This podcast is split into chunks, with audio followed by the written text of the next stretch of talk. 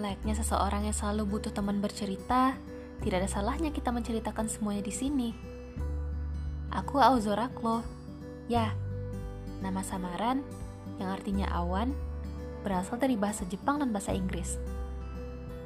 Salam kenal, dan terima kasih sudah mampir ke sini.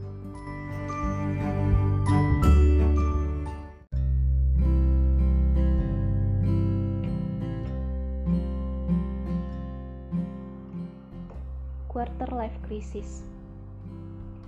Semua dari orang-orang dewasa sudah melewatinya. Pertanyaannya, untuk kita yang akan menginjak ke masa dewasa, kita punya bekal apa? Mulai dari keyakinan, mulai dari mengetahui bagaimana jati diri kita, dan mengetahui apa mau kita, jangan jauh-jauh dulu. Mengetahui apa mau kita. Mengetahui apa visi misi hidup kita. Terkadang kalian pernah gak sih mikir aku dengan umur segini udah punya apa? Udah punya prinsip apa? Udah punya bekal apa? Baik itu ilmu baik itu pengalaman atau bagaimana cara mengontrol emosi kita sudah punya bekal belum untuk menghadapi ini? Oke, sedikit curhat nih ya. Aku bisa aku katakan sebagai orang yang visioner dulunya. Aku sebagai orang yang visioner, uh, aku yakin aku selanjutnya akan melakukan ini, besok akan melakukan ini. Pokoknya semua sudah aku susun sistematis.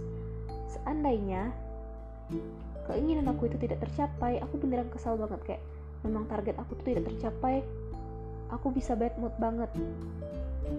Mungkin di antara teman-teman juga ada yang tipenya kayak aku juga ya. Nah usut punya usut aku dulu dari SMP memang sudah mau jadi apoteker.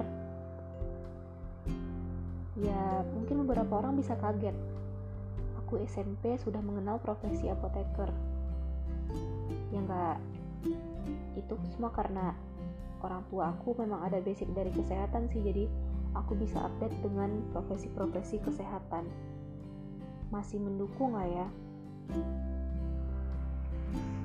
Nah, sekarang aku kan sudah jadi apoteker nih. Sekarang aku nggak bisa visioner lagi. Kevisioneran aku itu udah kalah dengan pokoknya gimana ya? Tergerus dengan kondisi dunia gitu Aku tahu dan aku paham sebenarnya profesi ini memang mulia. Tapi dengan melihat kondisi di lapangan, aku merasa, aduh ya ampun, ini cita-citaku dari kecil loh, masa aku merasa nyesel sih milih jurusan ini gitu. Mungkin aku saat menemukan orang-orang yang ingin jadi apoteker juga, aku tuh merasa kasihan. Seperti aku ingin mengasihani diriku di masa lalu yang punya motivasi besar untuk jadi apoteker. Nah, itu contoh kecil ya. Aku waktu apoteker masih ada sifat visioner juga sih. Aku mengetahui aku ingin berada di posisi mana, mau di industri, mau di uh, rumah sakit atau mau di apotik. Aku basicnya itu di mana gitu. Nah, sebelumnya aku merasa kevisioneran ini sangat membantu aku seperti merasa sudah memiliki persiapan untuk menghadapi ke depannya bagaimana, sekarang aku merasa sifat visionerku itu dua kali menjatuhkan kehidupanku. Kasarnya sih begitu. Pertama, aku merasa sedikit menyesal menjadi apoteker. Kedua, aku menyesal kalau aku meyakini diriku bahwa aku tepat di rumah sakit. Sebenarnya kevisioneran aku juga nggak aku sendiri sih yang menentukan. Teman-temanku juga bilang aku cocok kerja di rumah sakit. Tapi nyatanya aku nggak bisa menjalani kehidupan seperti di rumah sakit.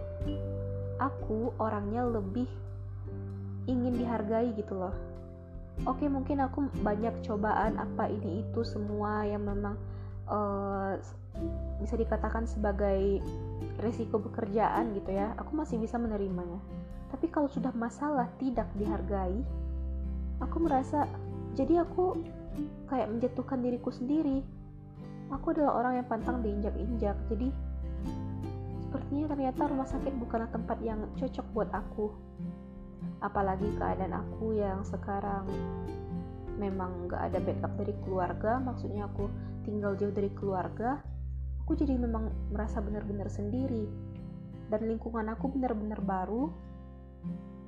Bukannya aku nggak bisa bergabung sih aku bergabung dengan mereka tapi ada tapinya gitu. Aku nggak bisa jelasin lebih lanjut pokoknya ada tapinya. Dengan berbagai macam problematika yang aku hadapi selama aku uh, menjalani satu tahun bekerja awal aku punya banyak pelajaran sih ya. Ya aku bersyukur juga aku bisa diberi kesempatan untuk bisa belajar dari banyak hal yang aku temui selama satu tahun terakhir ini. Aku bersyukur sih memang walaupun setidaknya aku merasa aduh aku ngapain sih milih di rumah sakit? Tapi setidaknya ada pelajaran yang nggak nggak bisa aku dapatkan di tempat lain sih nah gitu sih teman-teman. Kalau bagi aku menghadapi quarter life crisis ini ya dijalani aja. Ya berpikir positif aja dan tetap mengambil hal-hal positif lah pokoknya. Soalnya memang banyak sekali masalah yang kita hadapi sesuatu yang belum pernah kita bayangkan bakalan terjadi ke diri kita ternyata tiba-tiba datang dan kita harus menghadapinya aku yakin teman-teman di luar juga merasakan banyak hal yang tiba-tiba gitu selama quarter life crisis ada yang memang kita tertekan karena ada yang belum dapat kerja, ada yang tertekan karena belum dapat jodoh, macam-macam sih memang.